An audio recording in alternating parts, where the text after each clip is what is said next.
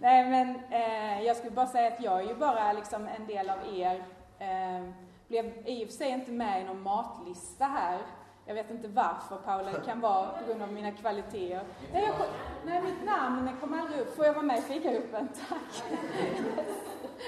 Vad fint.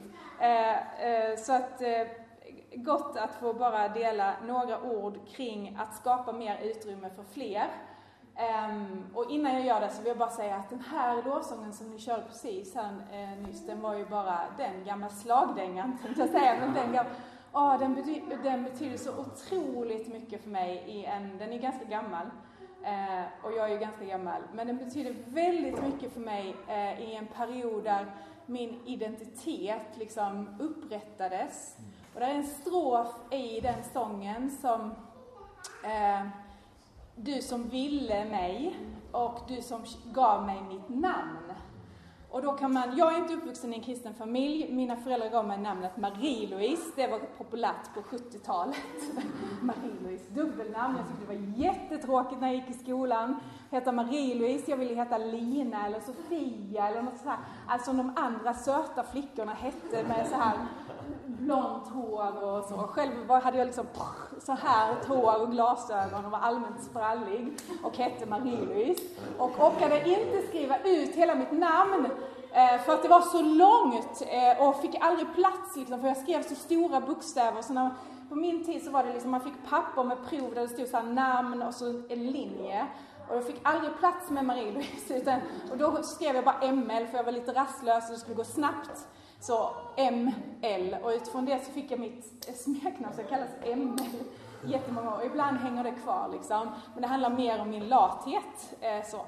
Men utifrån den eh, så tänkte jag, men mina föräldrar, de har ju inte, alltså du som gav mig mitt namn, eh, mitt namn, vill jag heta ens Marie-Louise och vem är jag? Eh, jag heter dessutom Ingegärd i mellannamn. Det är ju också, det är, folk börjar skratta, precis. Ingegärd, liksom. Eh, Rejält fornnordiskt namn. Eh, så. Men ehm, det som, utifrån Bibeln så betyder namn och Guds namn, det är inte bara att ditt namn, vad du tilltalas, utan utifrån ordet namn genom, genom Bibeln så står det för hela ditt väsen. Hela din identitet, vem du är. Det är därför Guds namn är så viktigt och så heligt också genom Bibeln. Det är därför eh, vi ber i Jesu namn. Det är inte bara hans namn, det är inte ett ord vi bara säger, utan det är hela hans identitet, vem han är, hela hans väsen. Så utifrån det så ger strofen Han som gav dig ditt namn en helt annan innebörd. Du är önskad från det att du blev till i din mammas mage. Du är sedd, du är känd, han ville dig. Du är unik, den som du är, eh, är liksom helt outstanding utifrån liksom vem du är. Och vi kan komma in med det här att skapa mer utrymme för fler. Antingen så kan vi komma in och lyssna på detta och bara känna, ah, jaha, ska vi göra det också? Jag orkar inte mer. Eh, och eh, jag vet att jag är jättedålig redan och nu har jag fått det bekräftat. Eh, och så pallar man inte och så lägger man ner det. Eller så kommer man utifrån att man är i sin nya identitet. Jag är en ny skapelse utifrån vad Jesus har kallat mig till. Han gav sitt liv på korset därför att han ville ge mig sitt, alltså han vill ge mig ett nytt namn. Han ville ge mig förlåtelse, upprättelse, rättfärdighet. Så när du lyssnar på allt detta så gör du det utifrån en botten utav att du är älskad och du är kallad till frihet. Och din identitet är att du är förlåten, heliggjord, rättfärdiggjord, ett Guds barn. Du har hopp som sträcker sig utanför den här världen. Eh, du kommer få leva i en evighet. Du tillhör ett rike som aldrig någonsin går under. Okej? Okay? Så oavsett vad som du kommer in med, liksom, jag tror att den här sången, det var några saker som bara kanske berörde någon här. och som fick vara som ett helande och att det får vara som en hälsning in till dig. Att han ville dig och han gav dig ditt namn. Du är hans. Vi ber. Jesus, eh, vi uttalar ditt namn och det är det vackraste namnet på den här jorden. Och det är det vackraste namnet vi kan säga. Jesus Kristus. Vår, vår frälsare, vår räddare, vår Herre och vår vän. Jesus, du som ville vårt liv. Du som kallar oss till frihet. Du som just nu bara uttalar hur djupt och innerligt du älskar oss. Hur du längtar efter att få höra vår röst. Hur du är så jublande, uppriktigt glad över varje, varje tanke vi ger dig. Varje steg vi tar i tro. Även om det är flyktiga tankar, även om det är eh, små stunder, så jublar du över oss. Du älskar att få höra vår röst. Så ber vi helig Ande att du kommer och fyller oss just nu.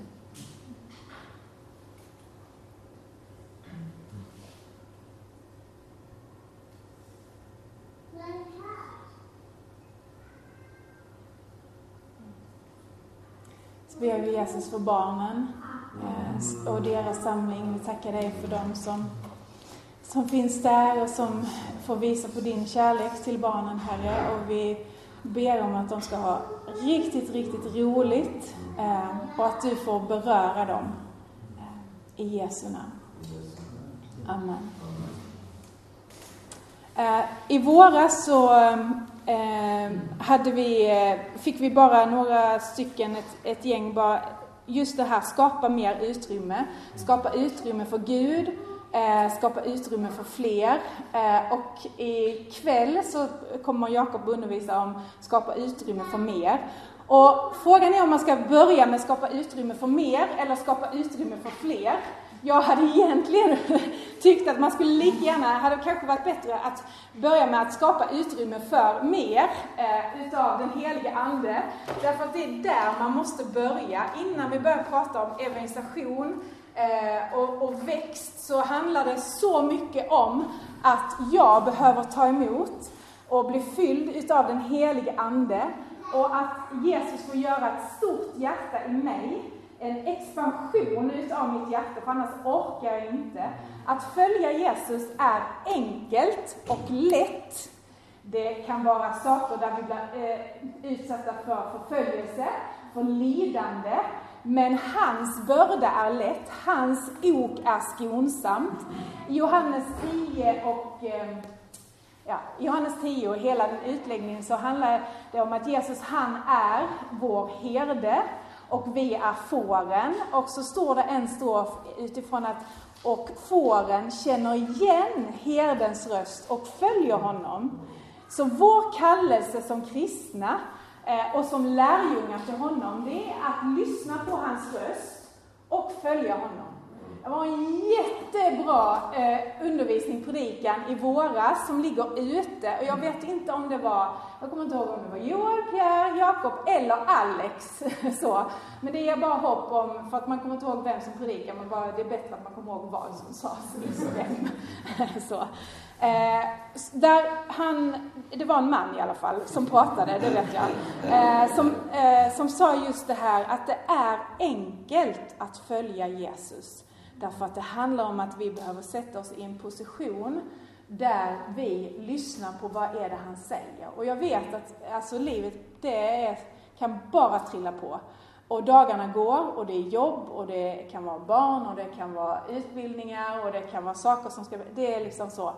Eh, vår vardag det tickar på. Men att få just att få ta en liten, liten stund varje dag på vägen till jobbet, eh, i hemmet, vid diskmaskinen, Eh, eller var man än befinner sig och bara säga Kom helig Ande, låt mig få höra din röst idag och låt mig få eh, liksom följa dig Jesus. Eh, det är det det handlar om. Inte att liksom, nu ska vi göra detta och detta och detta, utan att följa honom. Och jag skulle kunna, när vi pratar evangelisation, så skulle jag kunna prata om, skulle kunna ha en lång utläggning och gå igenom den här boken, eh, som är Bibeln. Om ni undrade, vad är, är det för bok? Och den är helt slarvig eh, och utsliten nästan. Eh, och det säger egentligen bara om att jag har haft den väldigt länge, inte att jag är jätteduktig bibelläsare faktiskt. Eh, men jag skulle kunna gå igenom, om vi skulle kunna börja på Första Mosebok 1. Så skapade Gud himmel och jord. Och sen så skulle jag kunna gå igenom hela Bibeln och bara sätta fokus på att, vet ni vad, vi är alla kallade till att dela vår tro och ge den vidare. Det är inte så att det står på ett ställe i Bibeln, typ vi lyfter ofta fram Matteus 28, eh, och bara gå ut i hela världen och gör alla folk till lärjungar liksom så. Det är inte bara det stället, utan det är genomsyrar hela Bibeln. Eh, jag skulle kunna dra det utifrån eh, eh, treenigheten. Jag skulle kunna dra det utifrån att Gud är den missionerande guden utifrån treenigheten. Fadern som skapar, som skapar oss till gemenskap. Varför skapar han? Jo, men för att han vill lära känna oss och att alla människor ska komma till tro på honom. Jag skulle kunna dra det vidare till Jesus. Människosonen har inte kommit för att tjäna eller bli betjänad, utan för att ge sitt, sitt liv till lösen för många, eller hur? Ja. Skulle kunna dra det utifrån, vem, vem är han liksom, ut, hela hans identitet, Jesus? Jag skulle kunna dra det ut och visa på olika bibelord. Vi skulle kunna gå igenom Lukas 15, den förlorade sonen, förlorade myntet och så vidare. Eller så skulle jag kunna dra det utifrån den helige Ande. Den helige Ande som kommer över profeterna i Gamla Testamentet. Profeterna och Israels folk som utväljs inte för att de ska liksom vara outstanding och bara, nu är det bara ni som tillhör Gud, utan de utväljs för att säga, okej, okay, här ger jag ett folk, här utväljer jag ett folk så att alla andra människor, alla andra folk ska kunna titta på det här folket och säga, aha, är det det som är den levande guden? Är det det det innebär att leva tillsammans med den levande guden och vara i, i en relation till honom? Sen så totalt bara misslyckas ju hela liksom, Israels folk i det ständigt. Så att vi får sända liksom, profeter, fylla dem med den helige Ande som säger Kolla här, kolla här, så här är den levande guden. Kom till mig, kom, omvänd er. Eh, jag skulle kunna prata om det, eh, den helige Ande som utgjuts på pingstdagen och som liksom säger, och då är det utljus, och kan inte ni bara ha det jättemysigt här i ert lilla rum tillsammans med mig och heliga Ande här?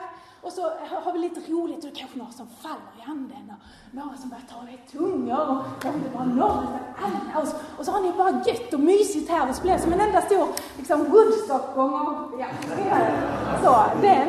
Och, men, men berätta inte för någon annan. Nej, nej, nej. Så är inte alls den helige Ande, utan den helige Ande, det människor blir fyllda av den helige Ande för att ge vidare det som de liksom fått. Okej, okay. så jag skulle kunna göra en teologisk liksom, genomgång av det. Men jag besparar det. Eller nej, jag vill inte göra det. Utan jag vill prata om evangelisation för de som inte vill evangelisera. Eh, för de utav oss som bara tycker att det här är ju jättekonstigt, svårt, utmanande. Eh, så jag lämnar teologin till de som är mycket, mycket bättre på det. Eh, så, så kan man gå vidare. Det kan vara nästa års liksom, genomgång. Så. Men jag tror att många utav er, ni vet detta, ni har hört detta. Eh, ni, ni vet att det finns en missionsbefallning i varje eh, evangelium. Ni har hört om att stanna nu här så att ni blir utrustade med kraft ifrån höjden, ifrån Apostlagärningarna 1.18. Och så ska ni utifrån det ska ni vittna om er närhet, Samarien, till Judeen och till hela jordens yttersta gräns. Ni finns ju här Därför att människor har gått.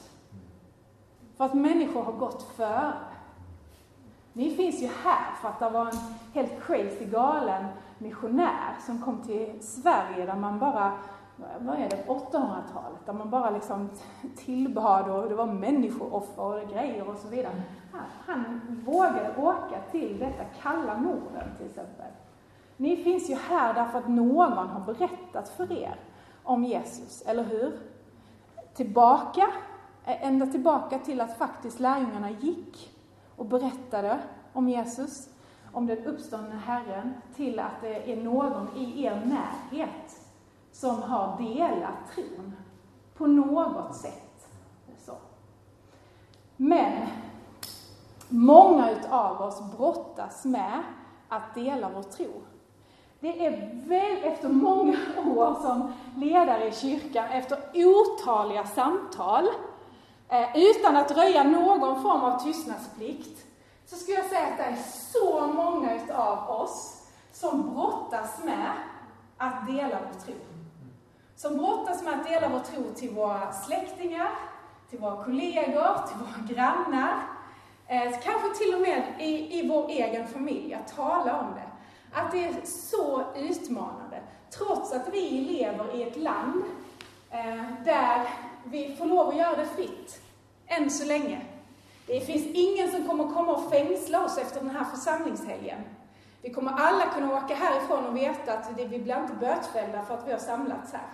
Frågan är om vi hade varit fler, om det hade varit lite, ja, det vet man eh, Nej men eh, så, riktigt, vi, vi behöver inte betala den kostnaden men det finns andra eh, kostnader som vi kanske får betala. Jag är absolut ingen naturbegåvning alls överhuvudtaget på att dela min tro. Jag är en jättedålig evangelist. Superdålig är jag.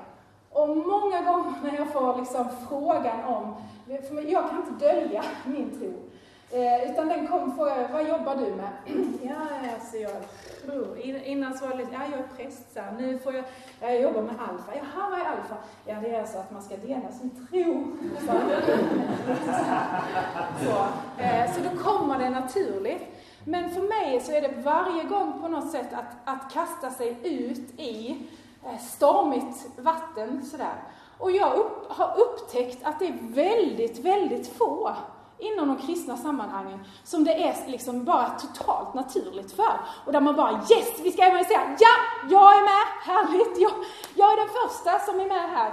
Utan för, jag tror att hade det varit så så hade det sett annorlunda ut, eller de som är sådana, det är människor som vi kanske bara såhär, okej, ehm, okay. um, går du, jag kommer lite senare, typ så. Så jag skulle bara på något sätt i eh, de nästa 20 minuterna få lov att bara Eh, få er kanske att eh, slappna av lite i det här och ge lite grann konkreta redskap. Sen så kommer vi kommer skicka med lite frågor till er, så kommer ni få sitta i grupper, små grupper och prata i typ en halvtimme. Och sen tänker jag att vi samlas tillbaka här igen. Eh, och då ska, där vi bara så samlar ihop lite, vad har ni pratat om? Finns det några frågor, några tankar? Eh, och om inte ni har några så tänker jag att då kanske du har några Joel, som du kan ställa eh, till mig. Eh, så. Så här, bara för att få, nu ska jag rita, vilket alltid är vanskligt eftersom jag har fått två i bild. Men om man läser, om man läser evangelierna, om man tittar på hur den första kristna kyrkan började, så eh, gjorde Jesus, kan man se hela hans strategi, Jesus strategi och hur församlingar växte fram, så kan man se att det såg ut ungefär så här. Det här ska alltså bli en tratt. Eh, ja, ni ser ju själva. Det här är jorden. Eh, så. Där han börjar, han skapar en gemenskap med med tre som var närmast honom, som också kopplades till 12, som man kan säga kopplas vidare till 72. Och sen så står det på ett ställe att det var ungefär 500 som var samlade och som såg Jesus när han upp, eh, hade uppstått. Eh, så. Och utifrån det så blir det liksom ett sändande ut i världen. Från några få till att multipliceras ut. Så. hur det ser ut, har du, som det har sett ut mycket i den västerländska kyrkan eh, under många, många år, så har det ofta sett ut så här eh, istället. Att man har varit ganska många på något som vi kallar för gudstjänst. Eh, och där på något sätt så samlas folk. Men de som verkligen eh, liksom delar med sig utav sin tro till andra människor är väldigt, väldigt få. Eh, man har konsumerat och vi är inne i en kultur där vi mycket konsumerar och det ska fastna här uppe. Eh, men när vi ska få ut det här och dela det vidare så är det på något sätt som att det fastnar. Och det kan man ha många funderingar kring. Det kan vara allt ifrån liksom lärjungaträning till ja, hur, hur tänker vi att vara församling? När vi planterar nya församlingar, och det här är ju en, en församling som är ny, liksom ändå nyplantering. Det är frågan hur länge man är det. Jag tänker att man kan sluta säga det nu och snart plantera nästa. I alla fall, ehm, det här, ehm, vi planterar ju nya församlingar. Inte utifrån missnöje ifrån gamla, utan utifrån att nya människor ska komma till tro. Amen. Det är därför vi planterar, det här, och det här är självklarheter, men det måste talas ut. Det är inte för att dra ifrån eh, Smyrna eller Saron eller eh, Svenska kyrkan eller så vidare, människor som redan har en relation med Jesus. Utan det handlar ju om att nya människor ska komma till tro. Och att det man ser är att, att vi, ni, vi ska komma i funktion. Eh, så. Och att multiplicera. Det är därför liksom vi planterar. Om jag bara ska ge så här konkreta eh, eh, tips då, eller råd kring att börja tala om tro, så eh, har vi ibland en bild av att om jag ska evangelisera, då ska jag göra det för främlingen. Människan som jag inte känner, eller den här allra mest hårdnackade ateisten på mitt jobb, eller den här eh, Eh, klasskompisen som nästan mobbade mig i grundskolan, de ska jag liksom evangelisera för. Och så tappar man modet, många utav oss. Och om jag skulle be dig förklara, eh, för eh, liksom bara så här, varför är du kristen? På en minut. Skulle du kunna göra det? Eller förklara grunderna i evangeliet på en minut. För någon som inte är troende. Kan du det? Ja, och teologerna är ofta sämst. Inklusive mig själv. Inklusive mig själv. Jag kan förklara teodicéproblemet och prata om det med, och filosofiskt och här uppe och med andra liksom, teologer. Men med mina liksom, vänner som mina grannar, hur kan jag förklara det på ett bra sätt? Så. här vill jag ge er några tips. Och här finns papper här framme, man kan också skriva på sin telefon. Om man vill. Eh, för om vi ska börja tala och evangelisera, om vi ska börja tala tro, så är det bara så här grundläggande. Vad är det man första man måste göra? Börja prata. Erik, du är bara så smart! Yes! Tack, jag tänkte, jag tänkte så här, vem är dum nog att säga det? Nej men det är, så, det är så självklart. Vi måste börja prata. Eh, och det här är alltså en organisation för er som är introverta. Okej? Okay? Så. så det är inte för, för oss extroverta, utan det här är undervisning för er som inte vill. Eh, så. Men att börja prata och börja prata tro. Så. Och var ska man göra det? Bara för att börja liksom så. Där man är. Va? Där man är. Där man är. Va? Vi, vi gör det väldigt konkret. Ett. I kyrkan. Mm. Var är den tryggaste platsen att börja prata tro? Jo, i kyrkan. Eh, vi går inte på gudstjänst bara för att liksom få, vi går också på gudstjänst för att ge. Ibland så ehm, eh, tänker jag många gånger att jag går för att det kanske är så att min närvaro kan välsigna någon annan. bara av att jag fysiskt finns där. Men det är också så, även om jag jobbar i kyrkan, så behöver jag komma till kyrkan för att bara höra andra människor säga namnet Jesus. Och, och liksom prata med mina kristna vänner och syskon. Eh, så. Och eh, man gjorde en undersökning för, jag tror det är tio år sedan från Lunds universitet, där det visade sig att även i kyrkan, det här var också inklusive, jag tror det var utifrån frikyrkan faktiskt, det var därför det var så förvånande, Eh, alltså procenten utav vad man faktiskt pratar om tro när man kommer till kyrkan är väldigt liten. Förutom den stackaren som ska stå och predika varenda söndag. Och som är, pratar alldeles för mycket ibland, tycker vi. Va? Men vi som kommer och är en del liksom av församlingen, vi pratar inte, för när, när fikat kommer fram, ah, vad pratar vi om då? Um, ja, hur går det nu på jobbet? Eller så vidare. Tänk om vi skulle börja bestämma oss för att faktiskt börja säga någonting om Jesus. Åh, Gulle! Precis. Ja! Vilken intro! Nej. Han ville säga något om Jesus. Nej, men eh, om vi skulle börja träna oss i det, att faktiskt prata om Jesus eh, och prata tro på något sätt. Eh, jag är en sån där jobbig människa så ibland så kan jag ställa frågan, hur har du det med Jesus? Istället för att säga, hur, hur har veckan varit? Så jag bara, hur har du det med Jesus? Och det är en jättebra fråga. Eh, faktiskt. Och det behöver inte vara sen att man ska ta ett långt själavsamtal och bara gråta ut och liksom jättemycket känslor. Utan man kan bara, ja, nej men, eh, för har du varit med Jesus så har du också någonting att dela. Det är också bara släppa på prestigen. Har du, har du varit med honom så har du någonting att dela.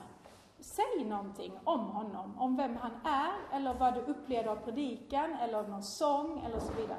Så börja prata. Man har också gjort, eh, eh, det finns en, en jättebra podd som heter Hemmasnack, som är hur man, eh, främst hur man eh, delar tro i, i sin familj. Det är verkligen ett tips. Där hade man, berättar man också att det finns en koppling mellan att kunna prata om känslor i en familj, och det är oavsett om du är gift, du har ju, alla av oss har ju en familj på något sätt, det kan ju också vara ens, ens föräldrar. Men om vi kan prata, eh, där det finns en koppling mellan att kunna prata om känslor och sätta ord på känslor och att kunna prata om tro. Och det är för mig det är inte alls konstigt, därför att tron är både förnuft och känsla. Eh, och ibland så får vi jag kan se med mina barn att man får connecta genom känslor ibland och då också att kunna sätta ord på sin tro. Eh, det finns, ehm, behöver man hjälp med detta så finns det typ så här känslokort som man kan använda. Eh, så. För vi har olika, Ehm, vi har olika liksom förutsättningar att kunna prata om känslor, sätta ord på våra känslor. I vår familj med fem stycken så är vi väldigt olika på den förmågan, men man kan träna upp den förmågan. Det är precis som en muskel. Använder du den aldrig så kommer den bara inte växa. Använder du den så kommer det att kunna växa. Så, så det går över till den andra. Ta, börja prata tro i eh, din familj eller man kan också med dina närmaste. Även om vi är singlar så finns det ju ändå några människor som vi känner, det kan vara i vår hemgrupp, det kan vara någon vän eller sådär som man ändå har som är familjeaktigt liksom. Och börja prata tro där. Eh, ett tag när, när barnen var små så bestämde jag mig för att eh, eh jag ska ha sagt namnet Jesus på något sätt varje dag med dem. Eh, jag, jag fick bestämma mig för det, så att det inte bara föll bort. Och det kan också vara ibland när man lever tillsammans, så kan det vara jättesvårt. Man kan prata om massa grejer, men man kan inte prata om det som kanske är djupast. Liksom. Och det är att våga faktiskt säga och sätta ord på det. Vad betyder tron för dig? Eller eh, säg någonting om Jesus. Börja där. Nu pratar vi om evangelisation. Är ni med på det? inte någon sån här relationsnytt. Tänkte, jag har kommit på ett relationsseminarium. Nej, det har inte. Det är slut där. Sen så börja prata tro eh, i din vardag. Det kan också vara eh, bland kollegor. Eh, ett sätt, eh, och ibland kan det vara svårt, ibland får man inte prata eh, om tron. Eh, det, det, finns liksom inte möjligheter. Men det finns alltid, ofta om man kommer till ett jobb så säger man, vad gjorde du i helgen? Visst berättar man ofta om det, eller hur? Eh, och för mig så har det alltid varit naturligt att bara, ja men vi var så den bion och sen så var vi i kyrkan och sen så, Där finns sätt att faktiskt komma runt det och bara säga det rakt på utan att bara säga, ja, eh, nu när du frågar vad jag gjorde i helgen så skulle jag vilja berätta för dig om Jesus här liksom. Det är inte den, utan du, man kan bara nämna det. Och någonstans så kommer det att komma och att eh, faktiskt våga liksom ställa frågor. Och eh, Jesus, det är lite komiskt, för Eh, jag hittade en siffra. Att Jesus, han ställde i evangelierna, så ställde Jesus 307 frågor. Jag gillar såna här siffrorna, jag gillar siffror. Han ställde 307 frågor. Han blev tillfrågad, eh, så jag säger rätt, 183 frågor. Vet ni hur många han svarade på utifrån dem? Tre till åtta, beroende hur man tolkar svaren, gånger. Om Jesus, som har alla svar, eh, vågar ställa så många frågor och vågar hålla på att faktiskt inte svara på allt, eh, då kan vi också slappna av i att vi behöver inte ha svar på allting. Och att det faktiskt finns en, en, liksom, en eh, eh pedagogiskt är att vi har fått två öron och en mun. Att vi faktiskt ska lyssna mer än att prata. Så ibland kan det mest liksom missionerande du kan göra för din kollega, eh, eller dina grannar eller så vidare, det är att faktiskt ställa frågor och lyssna. Och någonstans efter ett tag så kommer frågorna komma tillbaka. Och då min vän, så behöver du inte ha svar på allting. Utan liksom slappna av. Ibland kan det ge också att säga att ja, men du, den frågan är jättebra. Jag har inte heller koll på det. Men tack för att du frågade liksom. Vad tänker du själv? Så, att faktiskt fråga tillbaka. Så, i din vardag, kollegor. Och sen, eh, det kommer in där också, grannar, de du lever med eh, runt omkring. Alla har vi grannar på ett eller annat sätt. Att be för ditt område, det är ett sätt att också ge vidare. Så viktigt. Eh, och det behöver inte heller vara, nu ska jag gå in i bön och fasta i två dygn här för mitt område. För vem orkar det? Men att, eh, inte jag i alla fall, du kanske gör det, grattis. Men att faktiskt eh, bara så fem minuter, eller när man går ändå runt, eller man ska gå och göra sin handling, att be för området där man är. Så. Sen så börjar vi prata eh, främlingen. Så, och det här är inte jag som har kommit på det, detta, utan det här är om man tittar, på, om man tittar genomgående eh, utifrån eh, missionshistoria och utifrån där väckelser har brutit ut, där förnyelser har brutit ut, då har man sett det här genomgående.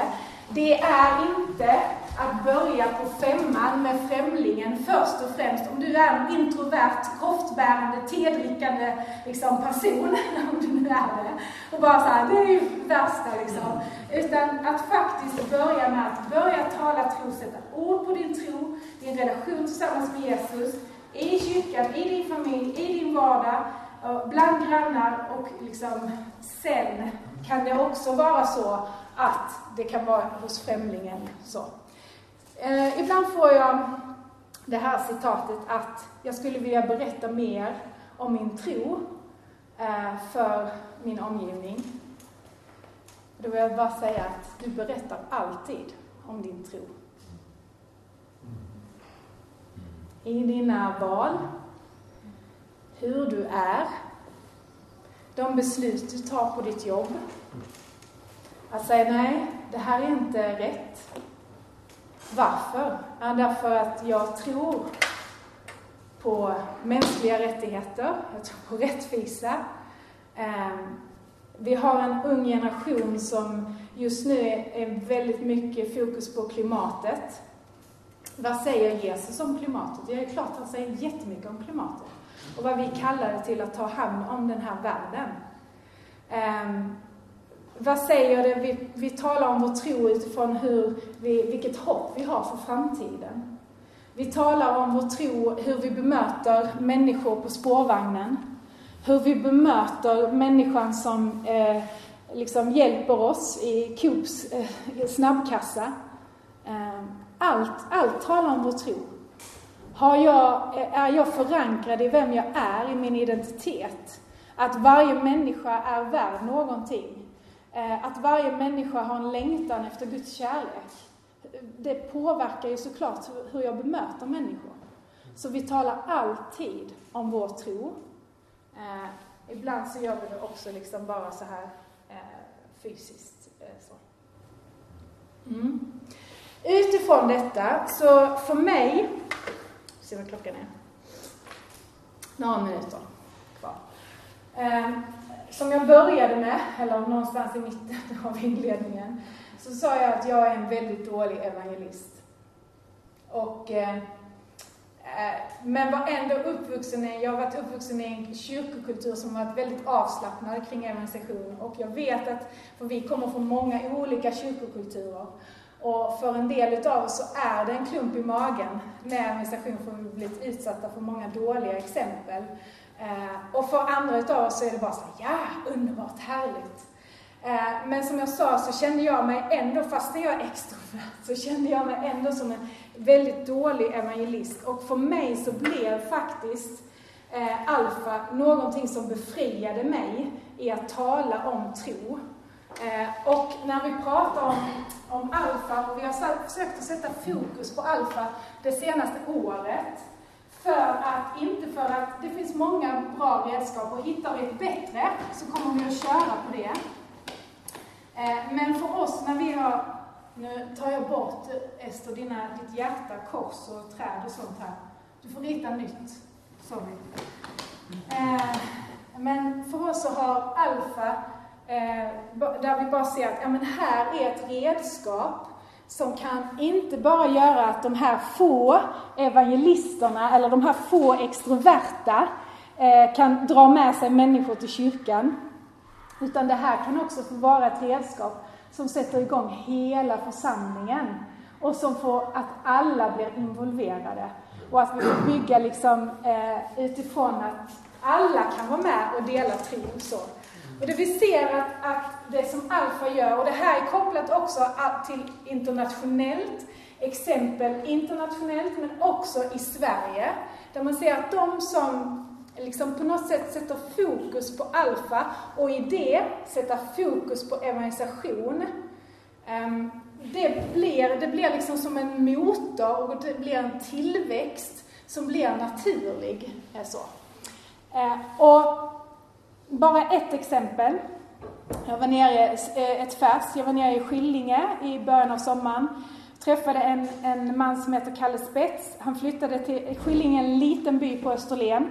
Flyttade dit för 20 år sedan. Då var där en, den församlingen, de var ungefär 12 stycken äldre i den församlingen.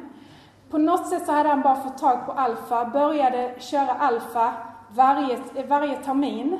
Eh, och bjöd in i, liksom, i det här lilla området. Idag, och då sitter han nästan lite så här och ber om ursäkt. Alltså vi, alltså vi har ju inga, vi har ju inga stora, stora siffror. Alltså, det är ju inga, det är ju liksom inte hundra personer som räcker upp handen och tar emot Jesus. Och, ja, det finns ju många andra liksom, tältkampanjer och allting. Men alltså under de här 20 åren, så under varje, varje år, så, ja, så är det ju en åtta, tio personer som har kommit till tro och, och sen så har de ju döpts och kommit med in i församlingen. Och sen så har de ju kommit med in i Alfa och varit samtalsledare, lärjungatränare, de har blivit med sina vänner. Så att, ja men idag, vi är ju 200 på gudstjänst. Så från att ha varit, och då över tid, över 20 år, från att ha varit en liten församling till att och, och, och där måste jag ja, men i princip alla som har kommit till tro har ju kommit till tro på det här sättet. Och där jag bara säger, men Kalle, hellre det. Och, då, och de här 200 personerna, de är kvar i kyrkan, ja. De är inte utspridda någonstans och det har varit ett random möte någonstans och, och, och sådär fångats upp, utan de finns kvar och de bygger församling.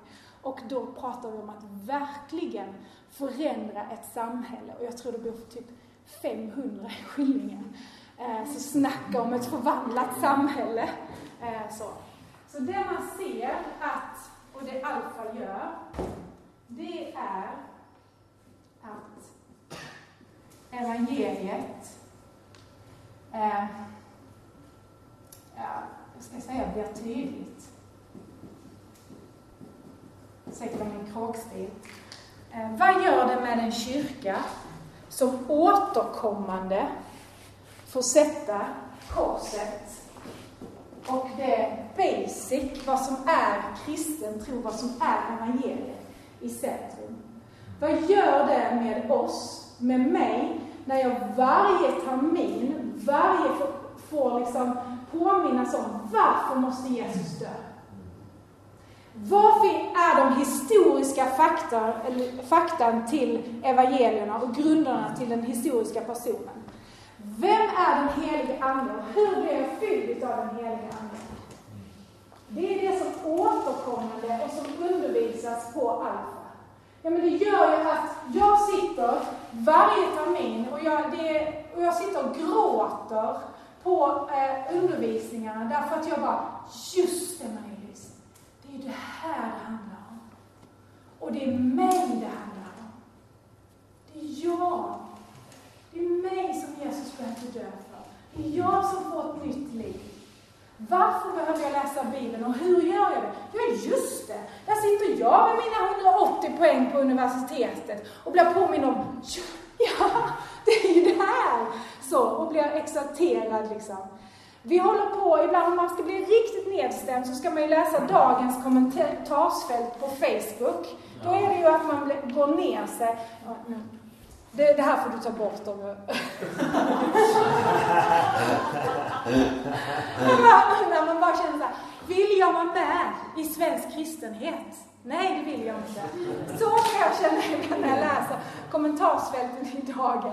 Därför man håller på med frågor som är liksom här ute och man har en ton mot sig där jag bara så här, känner du Jesus? Alltså, har du blivit förvandlad av hans kärlek?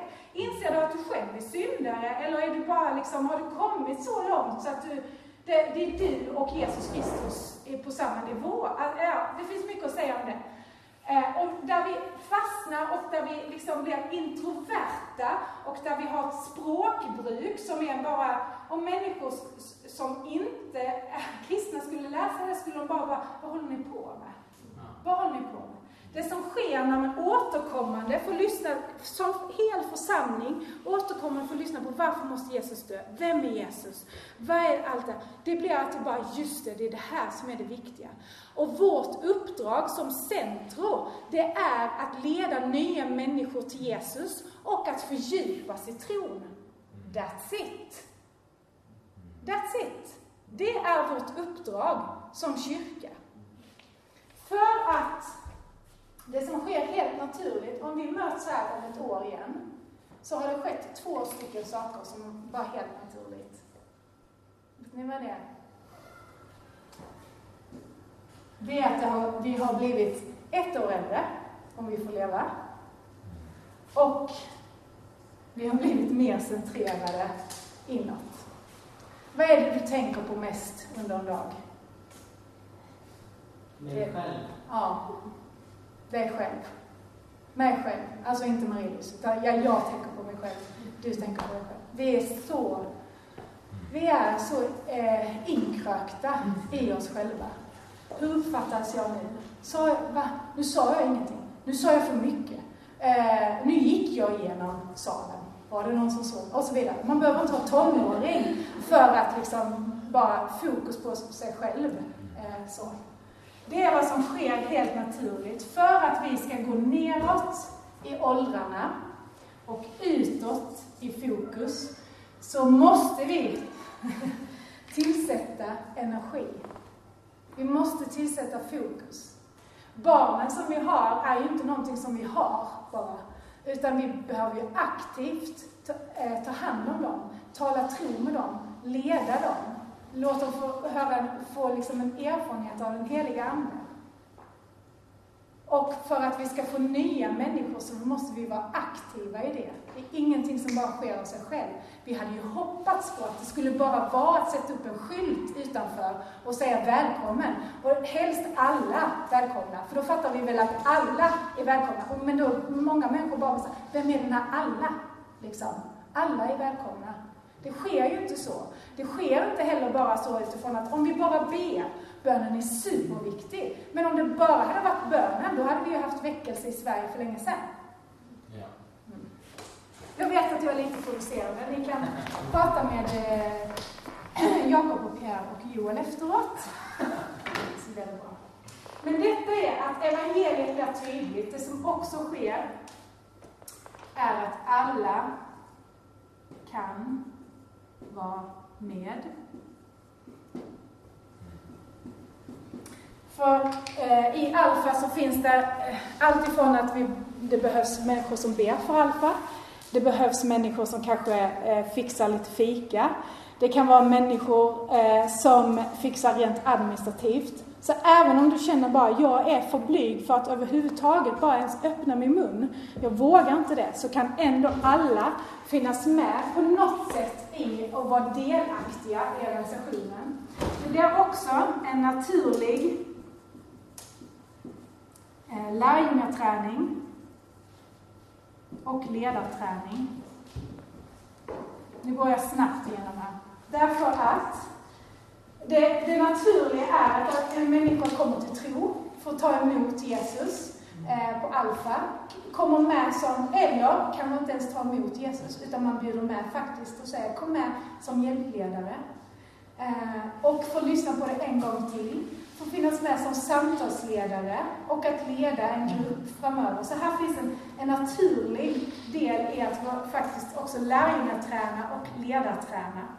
Om du kan leda, det var Tony Blair som sa detta, om du kan leda en smågrupp på Alfa så kan du leda varför som helst.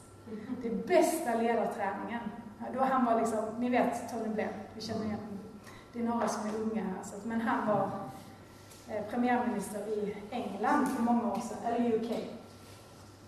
Det som också är att det skapar en kultur av inbjudan.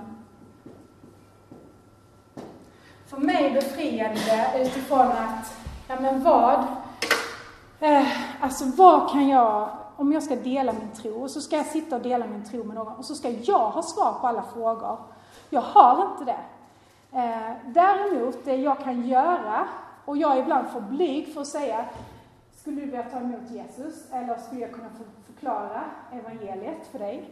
Men det jag däremot inte är för blyg för, det är att, att faktiskt bjuda in och säga, du, Ska inte du hänga med på Alfa? Ehm, det är lite käk, vi har, får lyssna på ett föredrag och sen är det samtal i små grupper som leds av en samtalsledare. Och där får allting sägas och det är vad du har på ditt hjärta och det är dina frågor, det är livets stora frågor. Vill du inte hänga med mig på detta? Jo. Alfa handlar om eh, att vänner som tar med sig vänner. Och det är därför som vi har bara så försökt också, vi har kört två alfakurser som har varit Eh, mycket fokus på att ja, men, ta med, men också gå själva i kyrkan. För att man ska känna att men det här är ju superbra. Så jag kan faktiskt ta med mig min dryga chef eh, till en alfa, jag vågar det. Eller min granne och kunna bo kvar sen. Eh, så, för det är ju ofta det, man vill ju kunna bo kvar efter så. Och det skapar också en kultur både av inbjudan och generositet och värme. Eh, och det får också vara någonting som påverkar hela församlingen, inte bara Alfa. Det vi vill är att det här ska få spilla över på våra gudstjänster, eh, på våra andra samlingar. Att vi har en generositet, att vi har en värme. Hej! Vem är du? Är du ny här? Den frågan är så viktig. Under, när vi flyttade till Göteborg så gick vi runt till några församlingar. Eh, och eh, i vissa så kom aldrig den frågan. Och då har vi ändå ganska bra koll på läget i, i min familj. Det var inte så att vi inte var kristna eller inte kände till gudstjänsten eller så. Men det är ett jättestort steg för människor att komma till en kyrka. Det är också ett jättestort steg för människor att sätta foten och komma till en alfa. Så hela den här att vi får tränas i och att faktiskt liksom ta oss lite i kragen och bara vara nyfikna. Vem är du? Jag vill lyssna på dig. Välkommen, du är välkommen att vara här liksom. Och sen kultur, ja det står ju. En erfarenhet av den helige Ande. Eh, som jag, den eh, får Jakob ta vidare sen, men jag vill bara säga någonting väldigt kort om att eh, Alfa är inte bara för nya människor eh, att få erfara den helige Ande och få ta emot Guds kärlek. Det finns tre avsnitt, eh, tre kring den heliga Ande på Alfa och det är väldigt tydligt, väldigt tydligt med Jesus, väldigt tydligt med den heliga Ande. Och då ska jag säga att det, de här tre avsnitten, de, de eh, körs ju i hela kyrkan. Alltså från katolska kyrkan till Livets Ord. Så det är inte så att alltså det, de är supertydliga, eh, de här eh, tre avsnitten om den heliga Ande. Och många gånger, under många alfakurser, så är det inte minst de som har funnits i kyrkan under många år som bara säger det här, det här blev en vändpunkt för mig. Alltså den här undervisningen har jag aldrig hört tidigare. Och då är jag lite såhär, jag skrattar inte så de ser det, men lite såhär bakom deras rygg. Men där jag bara såhär, jo det har du. Du har hört det, men du har bara inte varit kanske i den här miljön och fått det liksom genomgång på det här sättet. Och är, man kan tycka också så här, men den helige Ande, ska man ta upp det med människor som inte ens är kristna? Jo, därför att alfa och evangelisation är dömt att misslyckas utan den helige Ande. För vi leder inte människor till alfa, vi leder inte människor till centrum, vi leder inte människor till oss själva och till vår tro, utan vi leder människor till Jesus. Och för att göra det så behöver du få en uppenbarelse utav den helige Ande och en personlig erfarenhet av att jag är älskad. Han har stavat mitt namn i en evighet. Han känner mig. Och att det blir det här, ah, här är någonting i det här rummet som jag inte kan förklara fastän jag är vetenskaps, vetenskaps, vetenskaps liksom, fokuserad. Så. Och alfa är dömt att misslyckas utan bön och utan den heliga Ande. Och jag ska också säga att det finns, eh, det finns ingenting som är så fantastiskt eh, som att gå på en alfakurs. Varenda torsdag under den här terminen har jag tyckt var, det har varit så roligt och jag har fått lära känna nya människor och jag har fått lära känna och fått vänner i den här församlingen som jag annars inte hade fått, tror jag, om jag bara hade gått på gudstjänsterna. Men vi har delat någonting. Eh, så det är fantastiskt, men jag är heller aldrig så besviken som när jag är på Alfa. För det är också människor som jag bjudit in, som kommer kanske en gång, som inte kommer sen. Eller som, in, som jag bjudit in år efter år efter år, men som, jag in, som inte kommer. Eh, eller som går hela kursen men ingenting händer. Eh, så, så det också, men hellre det än att inte göra någonting alls. Så. Nu har jag pratat jättelänge och mycket. Nu skulle jag vilja att ni får med er eh, två